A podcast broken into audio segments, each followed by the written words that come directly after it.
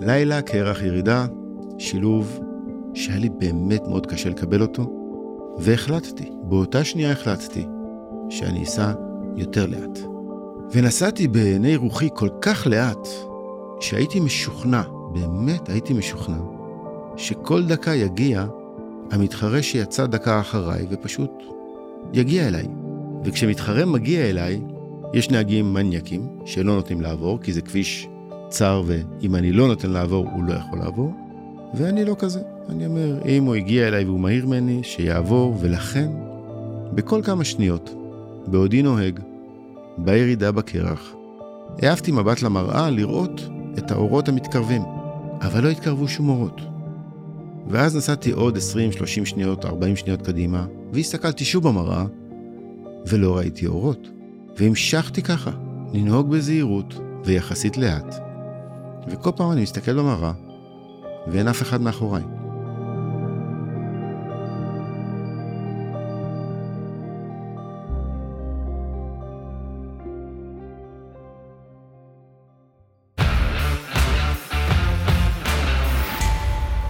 ברוכים הבאים לפודקאסט של ProDrive, פודקאסט בו אני גידי קרונין ורמי סמואל, נהגי מרוץ, נלמד אתכם על נהיגה, על נהיגה מהירה, על נהיגה יעילה, ואם יש לכם חלום ילדות להיות נהגי מרוץ, אז אנחנו יכולים להוביל אתכם לשם, שתהיו אלופים. תהנו.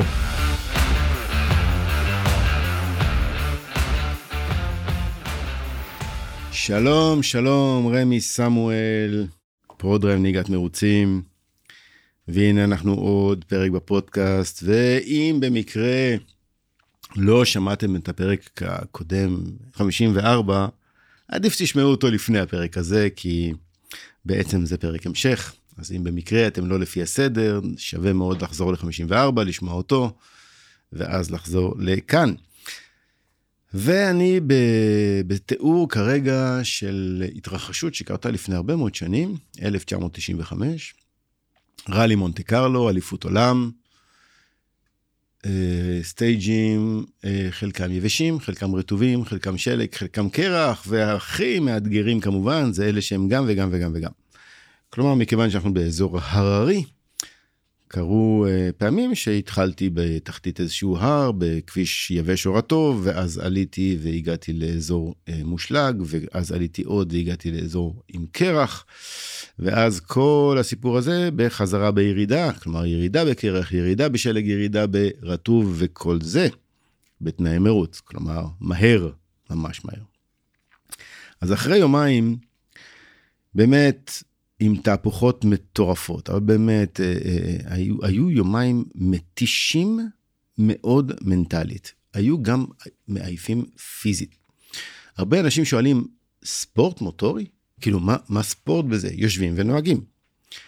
אבל כשאנשים מדברים על נהיגה, לרוב הם רואים או חווים את עצמם נוהגים בכביש הציבורי, אה, כשזה מקושר לספורט, אז זה מקושר גם לכביש בין עירוני מהיר, ששם באמת רמת המאמץ היא מאוד מאוד נמוכה. הספורט המוטורי אינו קשה במיוחד ברמה הפיזית. זה לא שקשה לסובב את ההגה או שקשה ללחוץ על הבלם. החלק שמקשה פיזית הוא דווקא החלק המנטלי. כי כדי להוציא ביצוע ממש טוב מעצמי, אני צריך להיות סופר סופר ערני ומדויק, ולהיות בשיא מנטלי רוב הזמן. אני לא אגיד 100% מהזמן, זה כמעט בלתי אפשרי, אבל רוב מכריע של הזמן. וכשאני צריך להגיב להחלקה, אני צריך להגיב אליה סופר מהר, כי כל מאית שנייה קובעת. וכשאני צריך לבלום, אני צריך לבלום סופר חזק. וכשאני צריך uh, uh, לתקן, אני צריך לתקן נכון. וכל הנכון, חזק ומהר הזה, שוב, ברמה הפיזית פר דקה, זה לא מאוד קשה. אבל מנטלית להתמודד עם זה, זה כבר סיפור אחר.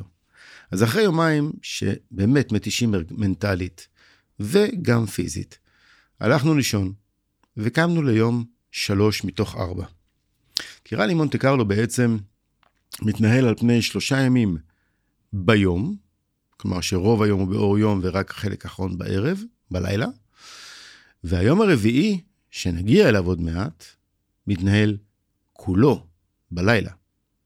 כלומר, יוצאים לדרך כשהחשיכה ירדה, ומגיעים עם אור ראשון. אבל נגיע עוד. אנחנו כרגע ביום שלישי. אז יום שלישי קמתי, קצת מדיטציה, קצת ארוחת בוקר. הרגשתי לא רע, הרגשתי לא רע. אה, אה, אחרי כל מה שקרה בימים 1 ו-2, והתוצאות שכן הצלחנו להביא פה ושם, והמקטעים שכן הייתי מהיר בהם, כולל שני מקטעים שהייתי המהיר ביותר, התחלתי להבין, התחלתי לחוש את הנושא הזה של נהיגה בכבישים המוטרפים האלה בערים, עם השלג והקרח והיבש והרטוב. והתנהלתי במהלך היום והיינו, נכנסנו פחות או יותר לאיזשהו קצב. הזמנים שלנו היו טובים ברוב הזמן. אה, היו מקטעים קצת יותר קשים, קצת פחות קשים. היה גם קטעים, היה איזה סטייג' אחד מאוד ארוך, אני לא זוכר את שמו. 35-37 אה, קילומטר בהרים, כביש מפותל, שחלקו היה עם שלג וחלקו בלי שלג. ואני זוכר שלקראת סוף הסטייג', ממש בחמישה, שישה, שבעה קילומטרים האחרונים, היה כמה קטעים עם, אה, קוראים לזה פלאק דונז', עם, עם מין שלוליות שלג כאלה, ואני מרוב לחץ ועייפות, ובאמת, כבר הייתי קצת מותש, שכחתי שיצאתי לסטייג' הזה עם צמיגים ממוסמרים, וניגשתי או הגעתי לפלאק דונז' האלה, לענני, לבוציאדות האלה של שלג, כאילו אני דווקא נעול בצמיגים אה, אחרים. אבל שוב, זה הכל חלק מהכניסה והתשישות והעבודה. אבל למזלי, א', היה לי צוות מדהים ונווט מצוין, ובעיקר היה לי את אוהד. אוהד שתמיד, באמת, אני מוריד את הכובע שאין לי בפניו. ידע לנווט אותי, לשים אותי במקום הנכון, בזמן הנכון. ידע מתי אני יכול ללחוץ ומתי כדאי דווקא שאני טיפה יעט. וככה מתנהל יום שלם, היום השלישי, ארוך מאוד, באמת, מאות קילומטרים והמון המון סטייג'ים. ומגיע סוף היום. ה stage האחרון באותו יום נקרא סיסטרון תאואר. הוא פשוט מתחיל בסמוך לעיר סיסטרון, ומסתיים ליד הכפר תאואר. בין סיסטרון לתאואר יש הר. הר גבוה, וה stage הזה, היה ברור שמתחילים אותו בכביש גשום, כי ירד גשם למטה. מתישהו, אחרי הכפר האחרון שעוברים, כי אנחנו עוברים גם אה, דרך כמה כפרים, כבר המפלסת, מפלסת השלג, שתפקידה לפלס את השלג ב, בין, בין, בכבישים ראשיים, המפלסת עוצרת שם. היא לא מפנה את השלג אחרי הכפר, אז מהכפר והלאה, בעלייה יהיה שלג, אחריו יהיה קרח, ואז נגיע לפסגה ונרד בקרח, ואז נרד בשלג, ואז נרד ביבש, ברטוב, סליחה. קטע מאוד ארוך, 40 ומשהו קילומטר. סוף היום השלישי, אני באמת באמת מותש. והשאלה הראשונה שעולה זה איזה צמיגים אני לוקח. כי צמיגי הקרח שמתאימים לפסגת ההר, ממש ממש לא מתאימים לחלק התחתון שלו. וצמיגי הגשם שמתאימים לחלק התחתון ממש ממש לא מתאימים לפסגת ההר. בסוף הוחלט שנלך על צמיגי שלג ממוסמרים קלות. מה זה ממוסמרים קלות? כלומר, הם מתאימים לנסיעה בשלג ובקרח, אבל הם חצי מתאימים גם לנסיעה בכביש רטוב. כי בסופו של דבר צריך לבחור מה הפשרה שהכי תעבור, ולא רק מה הפשרה, אלא גם מה יועיל לי מנטלית, איפה אני ארגיש יחסית בטוח. ואוהד הכין אותי והכין אותי כמו שצריך, ואני עומד לפני קו הזינוק, ויש לי באג, והבאג הוא שבקטע המוכרך, ממש ממש לפני הפסגה של ההר, באחד מימי האימון איבדתי שליטה במכונית. זה לא היה מהירות גבוהה, זה מהירות נמוכה, אבל איבדתי שליטה, הצלחתי איכשהו לעצור אותה בדיוק בנגיעה בסלע, והיה פגיעה ברדיאטור של המכונית. במכונית אימון. והיה לי את זה בראש, היה לי את הקטע שבקרח אני לא מאה אחוז שולט, ואני כן צריך להיזהר. אבל שוב, נשמתי עמוק, והייתי מוכן, והבנתי שתפקידי ב stage הספציפי הזה, פשוט להיות בקצה השני שלו ולסיים את היום. אני חייב לסיים את היום השלישי. יצאתי לדרך. החלק הראשון היה לי קל, כי זה כביש בעלייה, ברטוב. הרגשתי מאוד טוב, זה משטחים שאני מאוד טוב בהם. מתישהו הגעתי לכפר הראשון, ואחריו התחיל הקטע המושלג. הרגשתי גם די טוב, הרי כבר יש לי קצת ניסיון. ושוב, נוסע ונוסע, לדעתי לא רע בכלל, הגעתי לקטע המוכרך. ובקטע עם הקרח, ובלילה, ואורות, ונזכרתי באותה תאונה, ואמרתי, אני אסע בזהירות. בזהירות זה לא ממש לאט, זה בלי, בלי לקחת סיכונים, זה לקחת את הנהיגה, לנשום עמוק ולומר, התפקיד שלי זה לנהוג ולהגיע לחלק האחרון. התפקיד שלי כרגע לא לנצח. אז נהגתי בקרח בעלייה במהירות סבירה. ואז הגיע קטע שפשוט עצר לי את הנשימה. הגענו לפסגת ההר, הכביש עם קרח, וזה לילה, ומה שקורה על המכונית שלנו, במכונית מרוץ יש אלף ואט אורות. לצורך השוואה, במכונית שלכם, כשאתם מדליקים אור גבוה, זה 110 ואט. והאלף ואט אורות של המכונית מרוץ, פשוט תקועים בחשיכה, כי כשאתה מגיע לפסגת ההר, לפני שאתה מתחיל לרדת, לכמה שניות, האור מאיר את הכלום. יש אלומות של פנסים שמאירות כלום. ובאמת, זה נורא מפחיד. אבל שוב, אחרי הכמה שניות האלה, הופ, המכונית עוברת את הפסגה ואנחנו בירידה. ירידה בקרח. לילה, קרח, ירידה, שילוב שהיה לי באמת מאוד קשה לקבל אותו, והחלטתי, באותה שנייה החלטתי, שאני אסע יותר לאט. ונסעתי בעיני רוחי כל כך לאט, שהייתי משוכנע, באמת הייתי משוכנע, שכל דקה יגיע המתחרה שיצא דקה אחריי ופשוט יגיע אליי. וכשמתחרה מגיע אליי, יש נהגים מניאקים שלא נותנים לעבור, כי זה כביש צר ואם אני לא נותן לעבור, הוא לא יכול לעבור. ואני לא כזה. אני אומר, אם הוא הגיע אליי והוא מהיר ממני, שיעבור, ולכן, בכל כמה שניות, בעודי נוהג, בירידה בקרח, העפתי מבט למראה לראות את האורות המתקרבים, אבל לא התקרבו שום אורות. ואז נסעתי עוד 20, 30 שניות, 40 שניות קדימה, והסתכלתי שוב במראה, ולא ראיתי אורות. והמשכתי ככה, לנהוג בזהירות ויחסית לאט. וכל פעם אני מסתכל במראה, ואין אף אחד מאחוריי. ואז הסתיים הקטע עם הקרח, והתחלנו את הקטע המושלג. וקיבלתי קצת יותר ביטחון, יכולתי טיפה להאיץ, אבל עדיין מאוד בזהירות, הייתי מאוד עייף והייתי ער לכך שאני עייף. ואני מסתכל במראה, ואני לא רואה אף אחד מאחוריי. וגמרנו את הקטע המושלג, הגענו לקטע הרטוב, שזה ממש לקראת סוף ה stage, ואני מסתכל במראה, ואין אף אחד מאחוריי. ובקטע הרטוב הרגשתי טוב, ונסעתי באמת הכי מהר שיכולתי, וסיימתי את ה stage. ובקטע שנקרא סיסטרון תאואר, יהיה אחד הקטעים שיזכרו אצלי לעד בראש.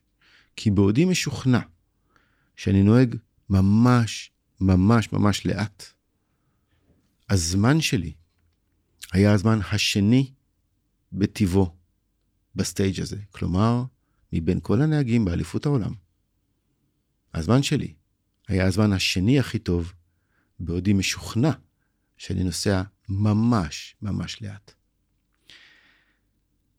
והתובנה שנפלה בי ההבנה העמוקה שהייתה לי באותו רגע, היא שכל הרעיון הזה של להשוות את עצמי לאחרים ולהיות משוכנעים שאחרים יודעים יותר טוב ממני, הוא סתם רעיון. זה לא שאני בהכרח יותר טוב מהם, אבל מה שכן בהכרח זה שזה לא רלוונטי.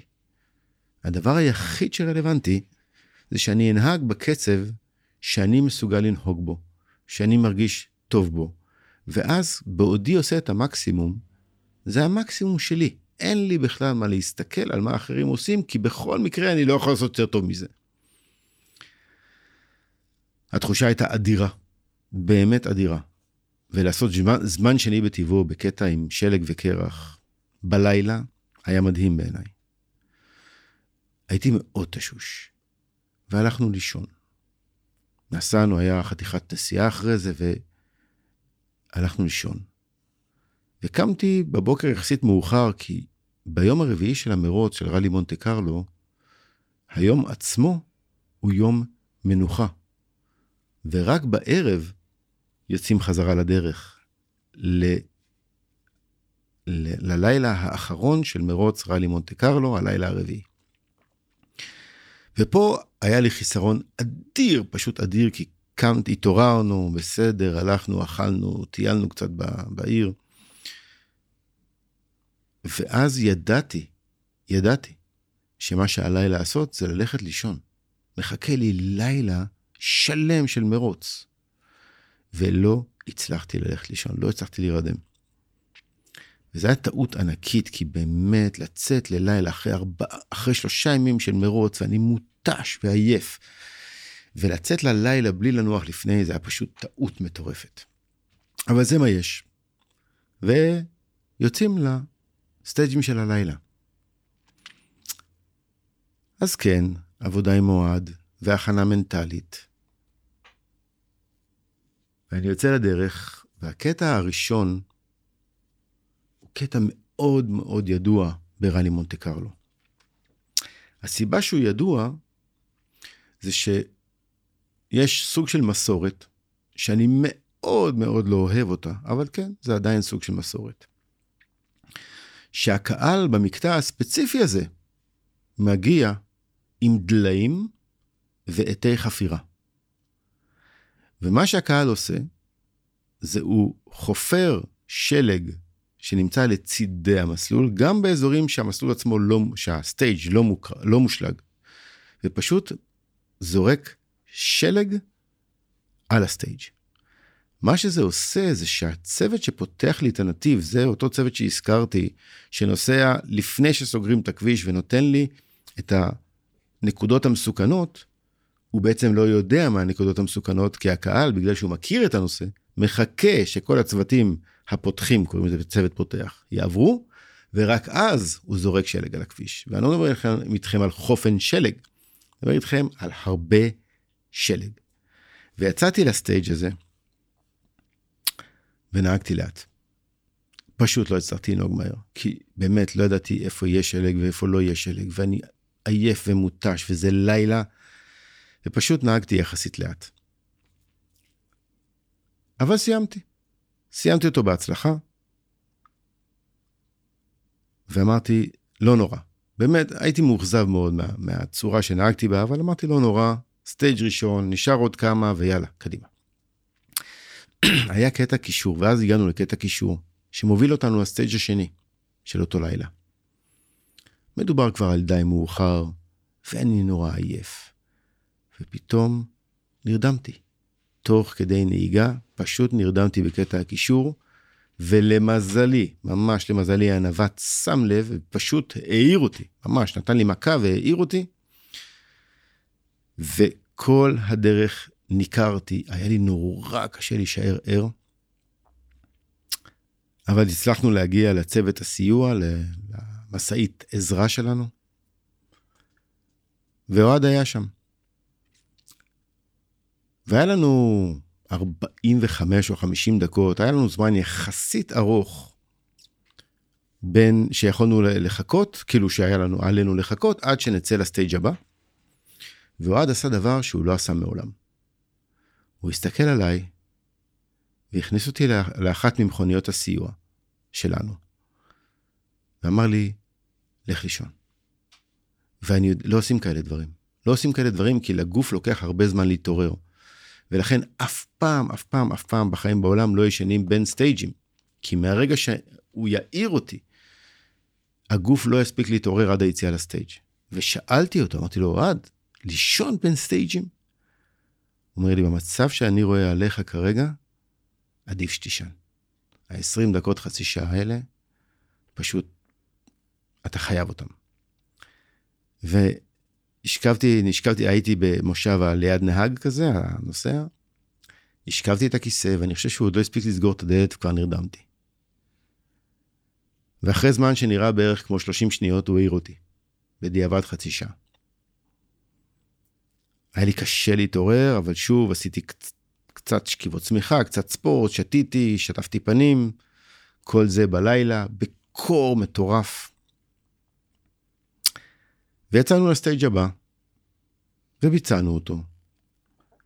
ולפני כל stage קיבלנו מהצוות הפותח, הצוות שעובר בכביש לפני שאנחנו נוסעים בו, ומודיע לי אם יש שינויים בכביש. לפני כל stage קיבלנו את ה notes, את הרשימות שלנו עם ההערות שלהם. פה מסוכן, פה יש שלג, פה להיזהר. ונסענו לא מאוד מהר, אבל מספיק מהר, נסענו בסדר. ואז הגענו שני stage ים לסיום. נשאר שני stage ים לסיום המרוץ. ועוד פעם צוות סיוע, ועוד פעם החלפת צמיגים. ואני מחכה לצוות הפותח שיגיע עם ה notes המתוקנים, והם לא מגיעים. ואני מחכה להם שוב, עדיין והם לא מגיעים, ואני נלחץ. שני stage ים לסיום. אני ממש לא רוצה לעוף מהכביש, ואם אני לא אדע על שלג או קרח שיש במקום מסוים ב stage, אני עלול לעוף מהכביש. ואז הנווט שלי אומר, אומר לי, לא נורא, אין מה לעשות, ניסע בלי. אני אומר לו, לא, מרתן, לא. אנחנו חייבים את הדבר הזה. ולמזלנו, למזלנו העצום, המדהים, היה לנו קביעה, קבענו עם הצוות הפותח, שאם הם לא מצליחים להגיע אלינו חזרה, בגלל פקקים, בגלל אורך, בגלל כל עיכוב שהוא, יש לנו שעה מסוימת שמצלצלים אליהם, הם חיכו ב stand by, וצלצלנו והם ענו. והם לא נתנו את כל התיקונים שהיה להם, כי זה היה stage מאוד ארוך. אבל הם אמרו לנו שבסיבוב שמאל האחד שמגיעים אליו מאוד מהר, כשאני אומר מאוד מהר, אני מתכוון 150, 160, 170 קילומטר לשעה, יש שם קרח על הכביש. והנווט שלי רשם את זה.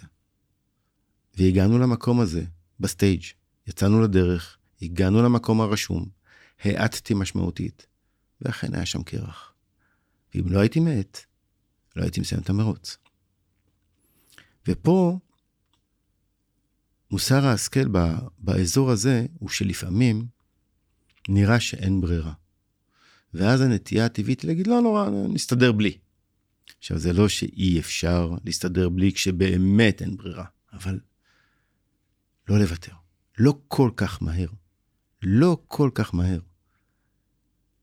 לפעמים צריך למצוא את הפתרון היצירתי, את הדבר שיכול אולי, אולי, להציל את העניין. ופה זה הציל. כי במקום הזה, אם לא הייתי יודע שיש שם קרח, כנראה שלא הייתי מסיים את המרוץ. אז סיימנו גם את הסטייג' הזה. והגענו לקול דה בלן. קול דה בלן זה פסקת, פסגת בלן, זה השם שלו. וקול דה בלן זה ה stage האחרון במרוץ. אני אפילו לא יודע לתאר עד כמה הייתי עייף. באמת, ואני אוהב מרוצים. ואהבתי לי, אהבתי את הכל, אבל רציתי רק שזה ייגמר, רציתי, די, רציתי, נשברתי, רציתי, די, רציתי די, רציתי הביתה. ואני יוצא לדרך, זה קטע של 33 קילומטר. מעלה הר, אני עולה בהר, ובהתחלה זה רטוב, ואחרי זה עברנו לקטע מושלג. ולא היה קרח הפעם, הגענו לפסגה, והתחלנו לרדת. מושלג. הייתי כל כך עייף שבאמת נהגתי לאט, סוג של לאט. באמת רציתי לסיים. ואז קרה דבר מופלא. דבר שפשוט אין לי דרך לתאר אותו.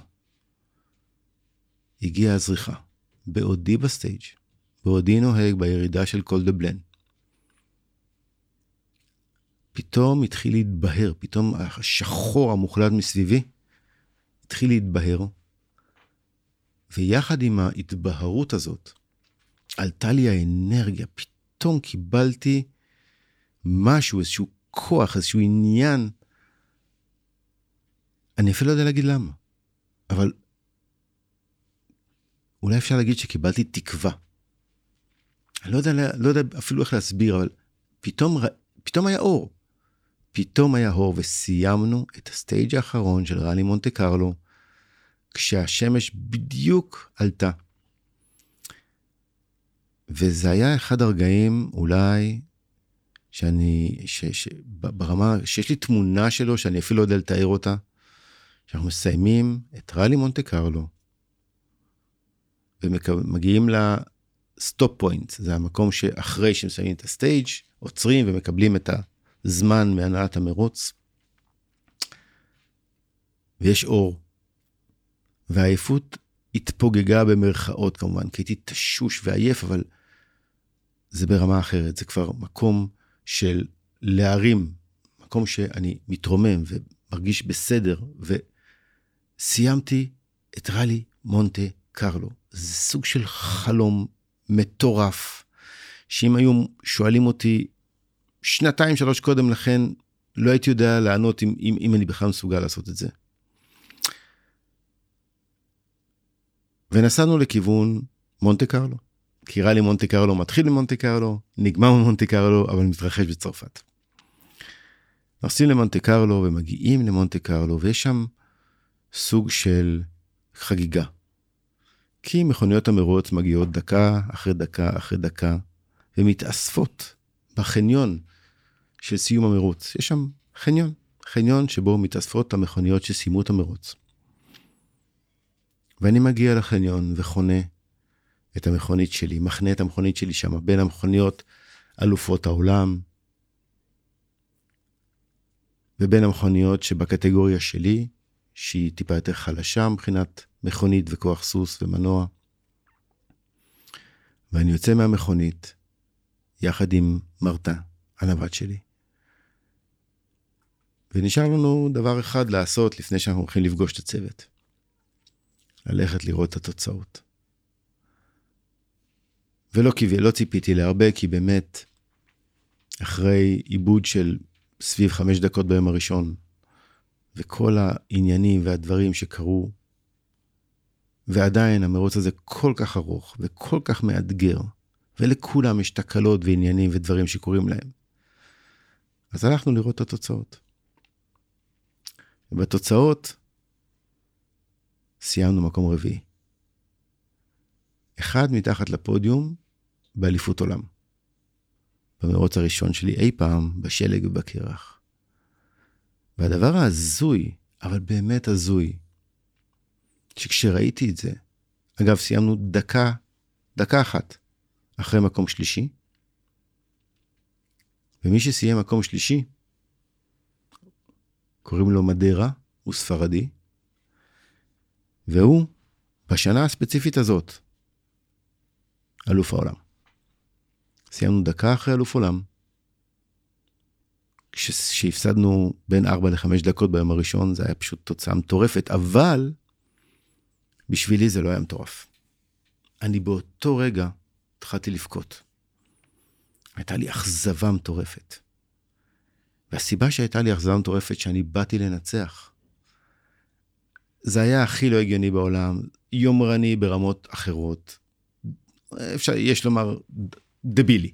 כי באמת, איזה סיכוי יש לי לנצח במשטחים שאני לא מכיר, בשלג ובקרח ובלילה, ו... לכאורה אין לי סיכוי, אבל ה-state of mind שאני מגיע, הגעתי, לכל מרוץ היה כדי לנצח אותו. ואני באתי לנצח. ואז להגיע דקה אחרי הפודיום, בידיעה שפודיום היה בכיס שלי, לולא כמה תקלות, זה היה לי אכזבה מאוד מאוד גדולה. אוהד צחק עליי. לא צחק ברשעות, כי אוהד הוא לא כזה. אבל הוא פשוט אמר לי, ראם, מה קרה לך? זה, זה תוצאה לא הגיונית בעליל, זה מטורף, זה פשוט תוצאה מטורפת. ולקח לי אולי יומיים או שלושה, ממש יומיים שלושה, להבין את גודל ההישג.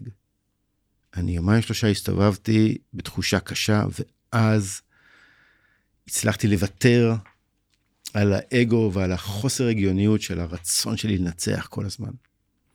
ולהבין שוואלה, זה הדבר הכי פסיכי שעשיתי בחיים. ואני ב... במהלך הקריירה שלי, זכיתי בשתי אליפויות, וניצחתי, אני לא יודע בדיוק כמה, לדעתי סביב 13-15 מרוצים. והגעתי מקום שני מספר פעמים, ושלישי.